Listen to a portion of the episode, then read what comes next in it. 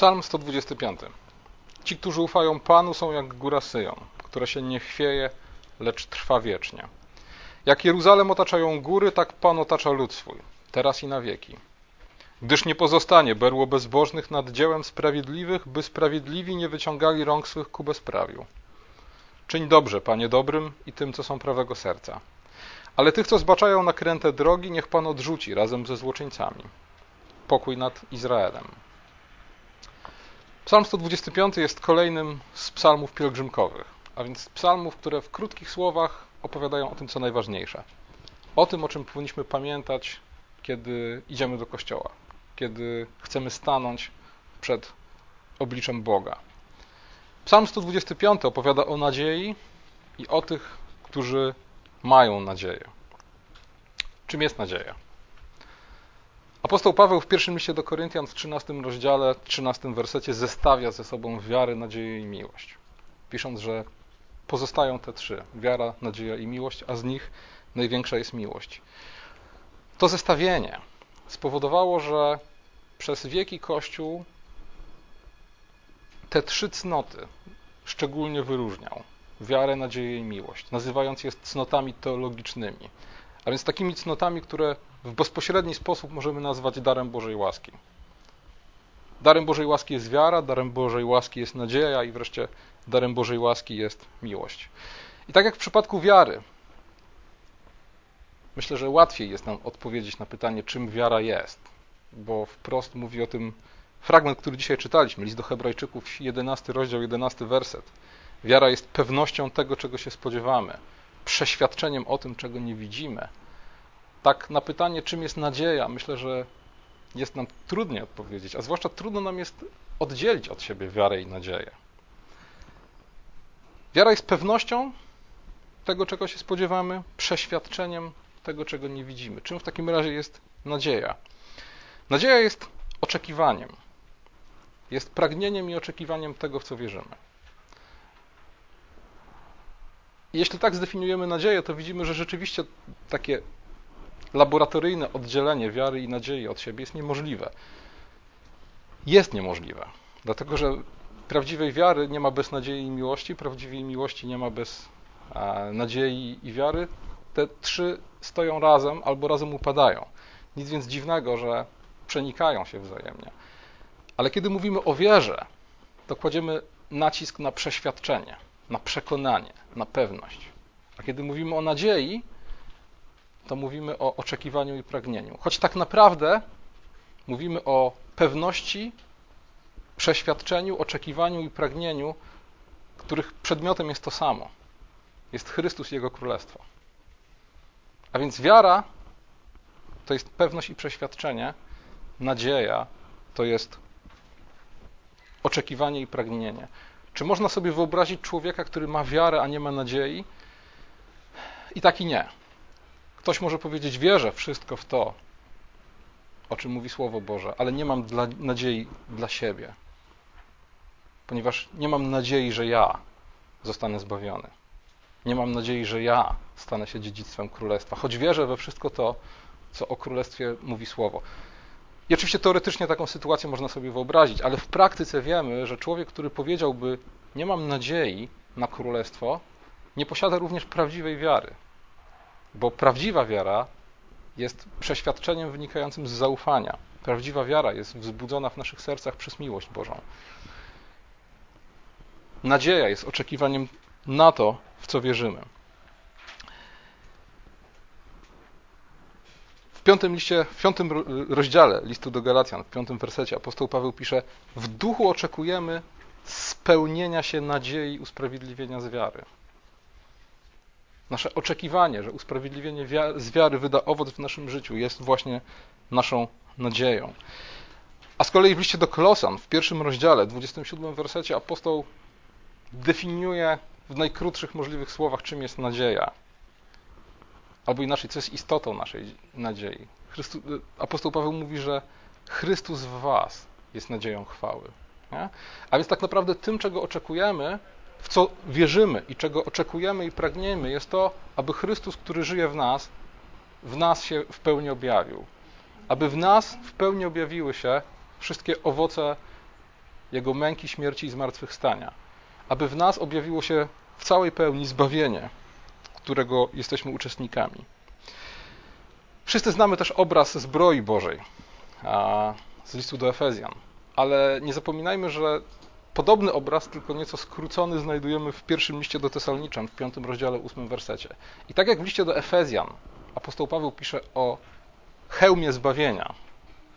I różne, dziwne interpretacje tego, czym jest hełm zbawienia, pojawiały się w e, kościele. Wydaje mi się, że należy czytać ten fragment w jego kontekście, którym jest pierwszy list do Tesaloniczan, gdzie podobny obraz apostoł Paweł nam rysuje. I tam apostoł Paweł pisze o przyłbicy nadziei zbawienia. A więc hełm zbawienia jest niczym innym jak hełmem nadziei.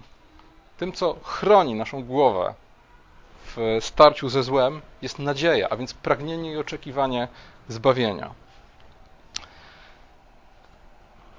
W pierwszym liście do Koryntian czytamy: Oracz winien orać w nadziei, a młocarz młócić w nadziei, że będzie uczestniczył w plonach.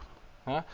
Rzeczą oczywistą i naturalną jest, że powinniśmy mieć nadzieję, że powinniśmy oczekiwać, że w naszym życiu, w życiu naszych rodzin, w życiu naszego kościoła, w życiu naszej ojczyzny, w życiu świata wreszcie, spełni się to, w co wierzymy i to, na co oczekujemy. Przeciwieństwem nadziei jest brak nadziei, który się albo objawi w formie rozpaczy, albo w formie apatii.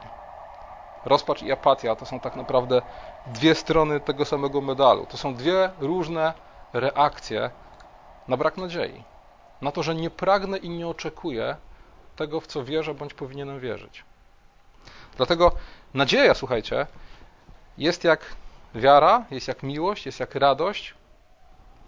W biblijnym ujęciu to nie jest emocja, to jest cnota, a więc to jest pewna trwała postawa. Tak jak Biblia mówi nam, że mamy się radować w uciskach, wiadomo, że radość w uciskach nie jest emocją. Rzadko kiedy w ucisku doświadczamy emocjonalnej radości. Apostoł Paweł wzywa nas do zachowania cnoty radości, a więc trwałej postawy, która nakazuje nam radować się Bożymi darami pomimo ucisków. I słuchajcie, tak samo jest z nadzieją. Nadzieja nie jest emocją, tak jak miłość nie jest emocją, tak jak wiara nie jest emocją, jest cnotą, a więc jest trwałą postawą, która sprawia, że pragnę i oczekuję wypełnienia się Bożych obietnic pomimo wszystko, pomimo tego, co mnie otacza.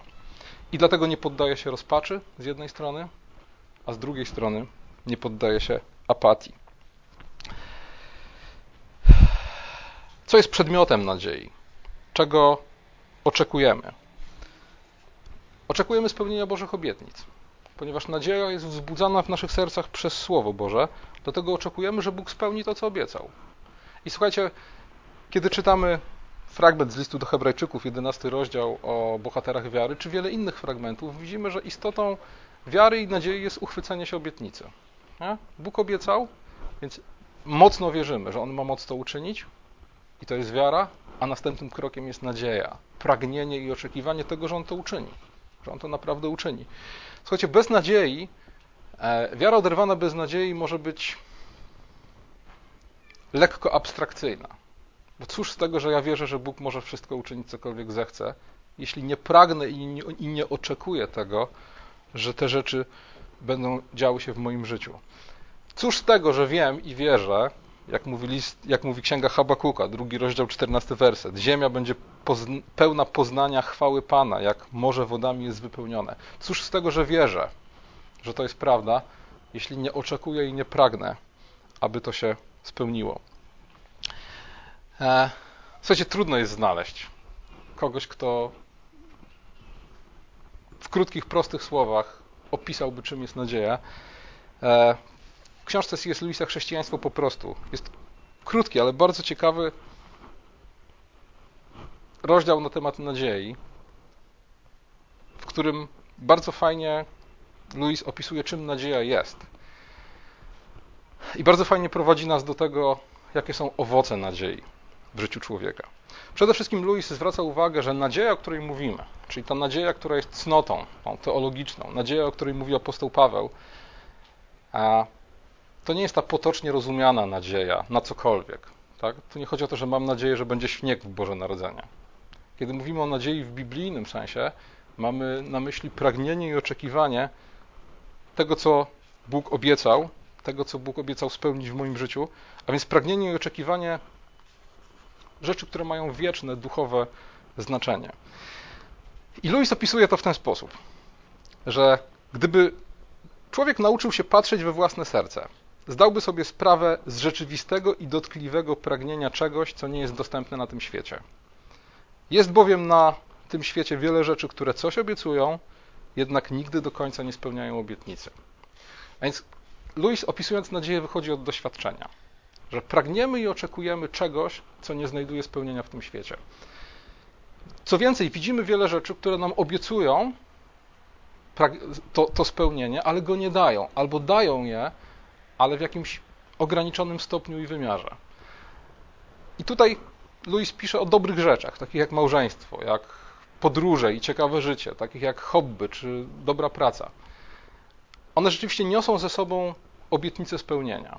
I w jakimś sensie są spełnieniem. W jakimś sensie spełnieniem człowieka jest małżeństwo. W jakimś sensie spełnieniem dla człowieka jest satysfakcjonująca praca, czy ciekawe hobby, czy ciekawe życie. Nie? Ale jednak zawsze na końcu tego pozostaje pewien, pewien niedosyt, który ma swój konkretny cel. Ma skierować naszą uwagę ku temu, co jest poza tym światem i co jako jedyne może, za, może to dziwne pragnienie zaspokoić. Chyba każdy rozumie o co chodzi, tak pisze Louis. Żona może i jest dobrą żoną, hotele czy widoki może i były znakomite, a chemia może być fascynującym zawodem, jednak coś umknęło.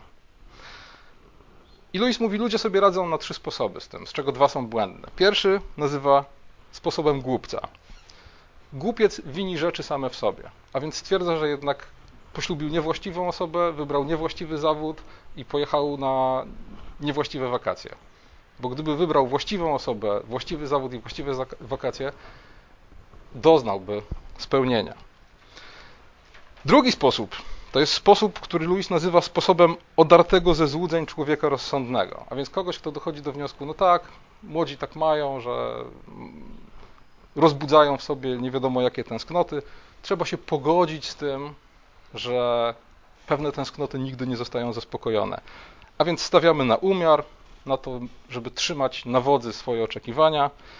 Jak pisze Louis, jest to sposób znacznie lepszy niż pierwszy, ponieważ czyni człowieka znacznie szczęśliwszym i mniej uciążliwym dla otoczenia.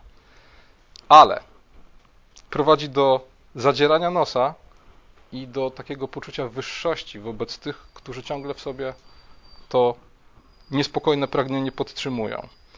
Louis pisze tak: Nie byłoby lepszego sposobu, gdyby ludzie nie mieli żyć, żyć wiecznie.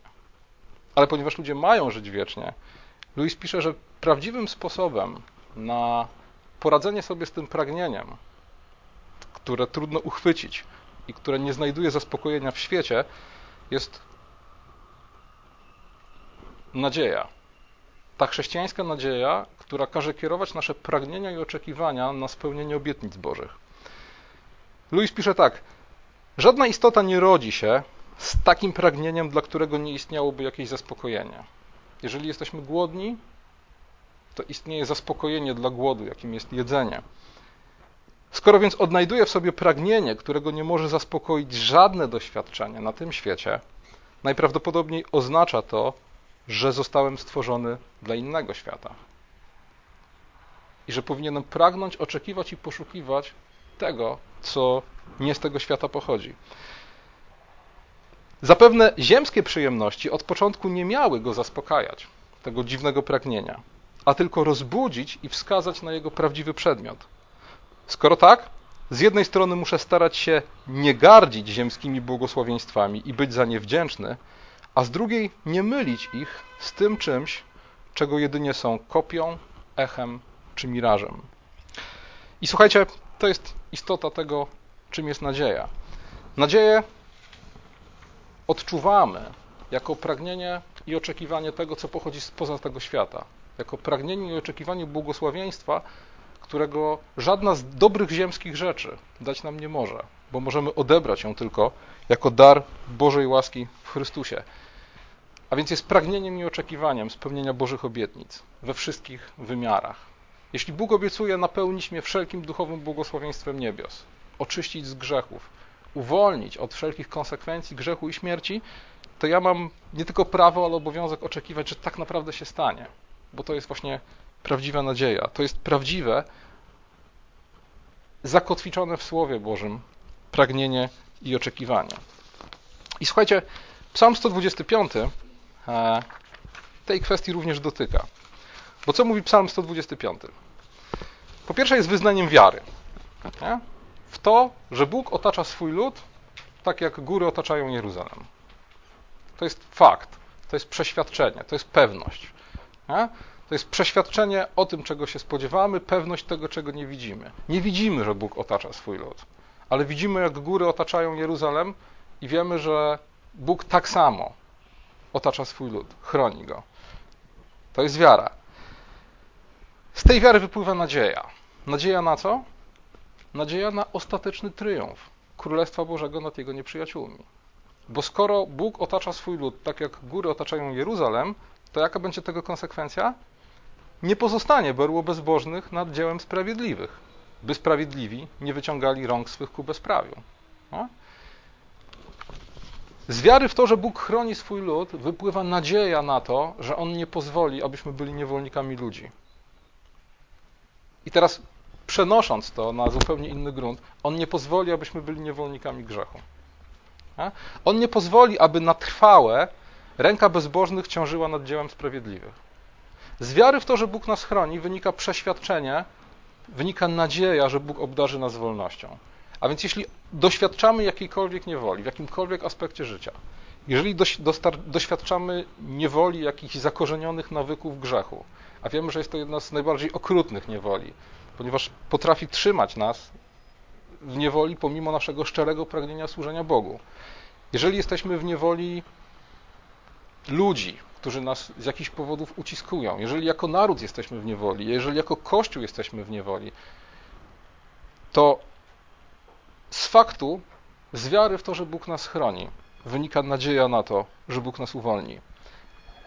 I słuchajcie, ta nadzieja, ta pewność, że Bóg swój lud wyzwala, że Bóg nie pozwoli, aby berło bezbożnych ciążyło nad dziełem sprawiedliwych, e, ona jest prawdziwa i stosowalna w każdym wymiarze. Ona jest prawdziwa i stosowalna w moim życiu. Ja mogę żyć z nadzieją, że Bóg nie pozwoli, abym trwał w niewoli trwałej. On przez chwilę może dopuścić taką sytuację dla mojego wychowania, dla mojego doświadczenia, ale wiem, że On nie pozwoli, abym na trwale był w niewoli, czy to niewoli grzechu, czy to niewoli innych ludzi. I dokładnie tak samo jest z Kościołem, zarówno w mikro, jak i w makro skali. Bóg nie pozwoli, aby Jego lud był, pozostawał w niewoli bezbożnych. I słuchajcie,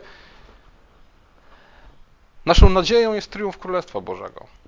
Naszą nadzieją jest triumf Królestwa Bożego w życiu każdego z nas, w życiu naszych rodzin, ale też w życiu naszego Kościoła, naszego narodu i całego świata. Ponieważ ten triumf został nam wielokrotnie obiecany. I uchwycenie się tej nadziei jest niczym innym jak uchwycenie się Bożych, uchwyceniem się Bożych obietnic. I słuchajcie, trzecia rzecz, a Właściwie jeszcze jedna rzecz, na którą ma nadzieję psalmista. Czyń dobrze, Panie, dobrym i tym, co są prawego serca, ale tych, co zbaczają nakręte drogi, niech Pan odrzuci razem ze złoczyńcami. Nie? Jeśli wierzę w to, że Bóg chroni swój lud, oczekuję zwycięstwa Królestwa Bożego nad nieprzyjaciółmi Jego, to siłą rzeczy oczekuję również sądu, ze świadomością tego, że sąd zaczyna się od domu Bożego, a więc również ode mnie. I że jeśli Bóg ma uwolnić mnie od panowania bezbożnych, to musi najpierw uwolnić mnie od bezbożności w moim życiu, a więc osądzić mnie i cały Kościół. A więc co mamy w Psalmie 125? Mamy wiarę w to, że Bóg chroni swój lud. Z tej wiary wypływa nadzieja, a więc pragnienie i oczekiwanie tego, że Bóg zaprowadzi swoje porządki, że Bóg osądzi i uwolni i obdarzy Izraela pokojem. Ale mamy też trzecią rzecz w tym psalmie. I co ciekawe, od niej psalmista zaczyna. Ci, którzy ufają Panu, są jak góra Syjon, która się nie chwieje, lecz trwa wiecznie. On zaczyna od owocu nadziei. Nie? Mówi nam, czym jest nadzieja, i mówi, że owocem nadziei w życiu człowieka jest cierpliwość, jest wytrwałość, jest to, że mocno stoimy i nie dajemy się złamać przeciwnościom, przez które przechodzimy. Jeśli na gruncie biblijnej wiary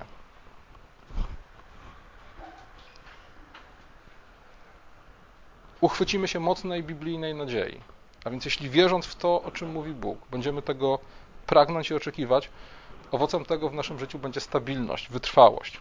Wytrwałość w tym, co dobre, wytrwałość wobec przeciwności, jak góra Syjon, o której mówi psalmista, która się nie porusza, lecz trwa wiecznie. I oczywiście każdy z nas doświadcza tego na swoją miarę. Wiemy, że psał też jest przede wszystkim modlitewnikiem Chrystusa. Nie? A więc wiemy, że to przede wszystkim On jest tym, który zaufał Panu i który jest jak góra Syjon. Pamiętacie szyderstwa spod krzyża. Nie? Zaufał Panu, niech, niech go wyratuje. Ci szydercy nawet nie zdawali sobie sprawy z tego, a może zdawali sobie sprawę, że tak naprawdę cytują psalmy. Nie? I o Chrystusie Słowo Boże nam mówi, że tak się dokładnie stało. Zaufał Panu i On go wyratował. Zaufał Panu, okazał stuprocentową wiarę i pewną, niewzruszoną nadzieję, przez co stał się jak góra Syjon, stał się punktem odniesienia i oparcia dla wszystkich swoich dzieci, dla wszystkich swoich wiernych po wszystkie czasy. I teraz Psalm 125 jest prawdą przede wszystkim w odniesieniu do Niego. Nie? Przede wszystkim Chrystus jest tym wiernym i pełnym nadziei, który przez to stał się niewzruszonym jak góra Syjon. My doświadczamy tego tylko dzięki Niemu, tylko w Nim. My doświadczamy tego pośród słabości, pośród upadków, pośród różnego rodzaju zaprzeczeń. Nie? Często brakuje nam i wiary, i nadziei, a co za tym idzie i owocu. Często nie jesteśmy w swoim doświadczeniu jak Chrystus, ale wiemy, że w Chrystusie jesteśmy tacy jak On i w Chrystusie te słowa Psalmu 125 stają się prawdą w życiu każdego z nas. W Nim jest nasza wiara, w Nim jest nasza nadzieja i w Nim możemy wydać podobny owoc. Jeśli chodzi o wytrwałość, to to jest chyba słowo, które najsilniej jest skojarzone, skorelowane w Biblii właśnie z nadzieją. W pierwszym liście do Tesaloniczan, w pierwszym rozdziale, trzecim wersecie, apostoł Paweł, wspominając Tesaloniczan, wspominając różne dobre rzeczy, wspomina m.in. wytrwałość w nadziei. Dalej słuchajcie. Abraham, o którym dzisiaj czytaliśmy, wbrew nadziei, żywiąc nadzieję, uwierzył, aby stać się ojcem wielu narodów, zgodnie z tym, co powiedziano, takie będzie potomstwo Twoje. I nie zachwiał się w wierze, chociaż widział obumarłe ciało swoje, mając około 100 lat, oraz obumarłe łono Sary. I to są, słuchajcie, dla nas te przykłady, czym jest nadzieja. Nie?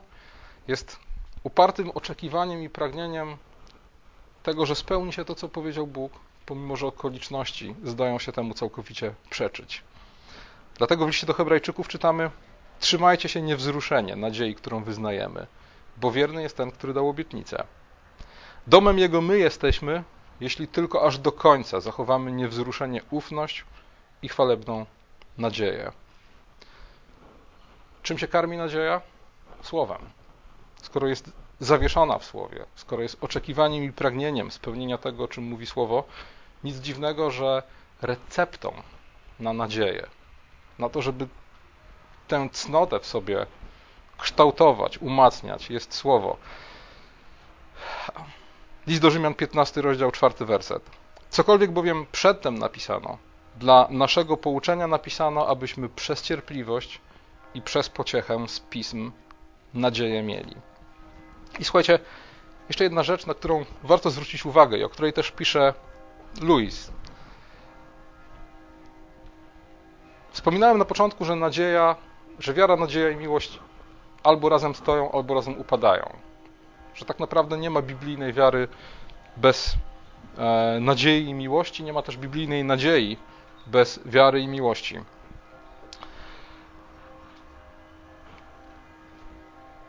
I tak jak to, że wiara i nadzieja bez miłości są pozbawione sensu, o tym pamiętamy dość często.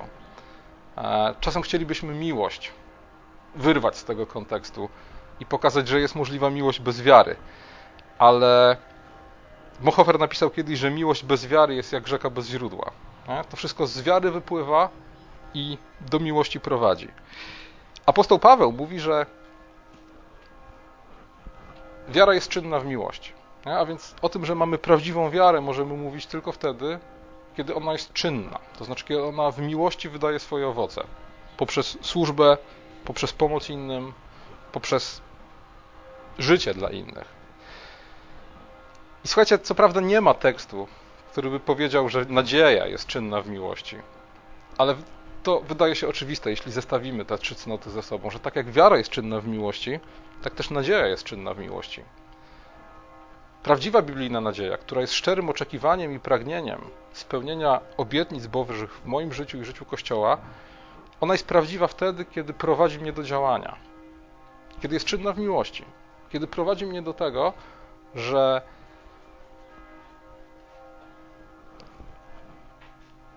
działam w oparciu o to, czego oczekuję i pragnę.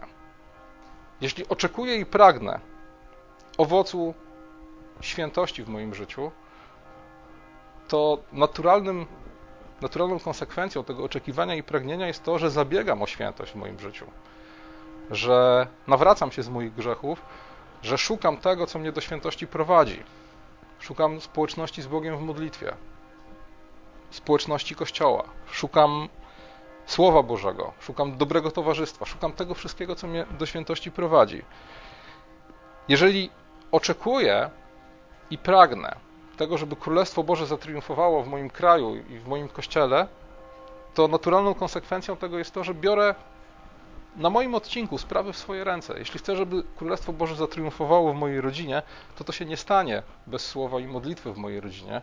To się nie stanie bez okazywania miłości i cierpliwości mojej żonie, moim dzieciom. To są rzeczy, które robię, które muszę robić, które powinienem robić, jeśli rzeczywiście pragnienie i oczekiwanie spełnienia Bożych obietnic w moim życiu jest szczere i prawdziwe. Jeśli to pragnienie i oczekiwanie jest teoretyczne, a nie prowadzi mnie do działania, nie prowadzi mnie do służby, nie prowadzi mnie do życia w oparciu o te obietnice, jest jakąś duchową schizofrenią. Dowodzi tego, że moja nadzieja jest tak naprawdę słaba, że ona tak naprawdę jest intelektualnym przeświadczeniem, a nie prawdziwym, szczerym, głębokim oczekiwaniem i pragnieniem. I teraz słuchajcie, pomimo że nadzieja jest skierowana na rzeczy wieczne, nadzieja jest skierowana na Chrystusa i Jego Królestwo, C.S. Lewis zwraca uwagę na to, że nadzieja jest cnotą bardzo praktyczną. Chyba gdzieś zgubiłem to. A zaraz odnajdę.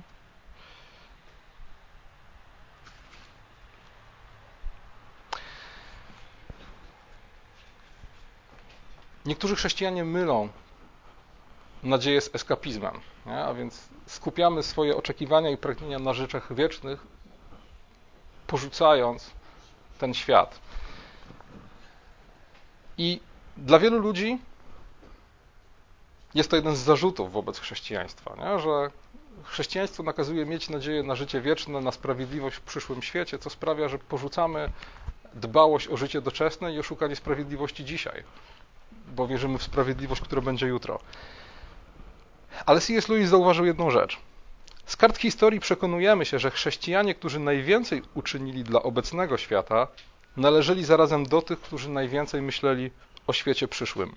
Sami apostołowie, którzy pieszo wyruszyli nawracać cesarstwo rzymskie, wielcy ludzie, którzy zbudowali średniowiecze, angielscy ewangelicy, którzy doprowadzili do zniesienia handlu niewolnikami. Wszyscy oni zostawili swój ślad na ziemi właśnie dlatego, że myśleli o niebie. Dopiero odkąd chrześcijanie przestali myśleć o świecie przyszłym, stali się nieskuteczni w obecnym.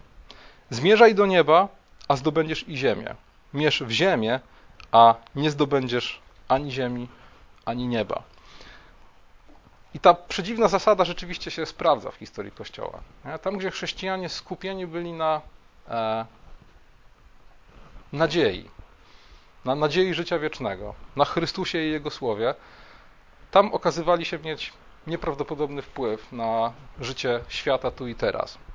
Tam, gdzie chrześcijanie zaczęli się zajmować socjalną Ewangelią, e, porzucając nadzieję życia wiecznego, tam wszystko się rozmywało i stawali się chorobliwie nieskuteczni.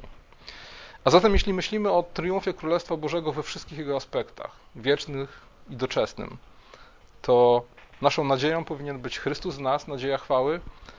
Nasza nadzieja powinna koncentrować się na spełnieniu się Bożych duchowych obietnic w moim życiu, a to w konsekwencji prowadzi do tego, że podejmuję moje zobowiązania i sam, stając się, jak mówi apostoł Paweł, współpracownikiem prawdy, przyczyniam się do spełniania Bożych obietnic nie tylko dla mnie, ale też dla tych, którzy są wokół mnie. A zatem Psalm 125 po pierwsze wzywa nas do wiary w to, że Bóg chroni swój lud. Do wiary w to wszystko, co o Bogu i Jego miłości do nas mówi Pismo. Idąc dalej, wzywa nas do tego, abyśmy oczekiwali, abyśmy pragnęli i oczekiwali triumfu Królestwa Bożego w naszym życiu i wokół nas. Abyśmy nie zniechęcali się, widząc różnego rodzaju przeciwności. Abyśmy raczej, jak mówi C.S. Lewis, patrząc w niebo, zdobywali ziemię. Bo obietnica jest ciągle aktualna, że Bóg nie pozwoli, aby berło bezbożnych ciążyło nad dziełem sprawiedliwych. Amen.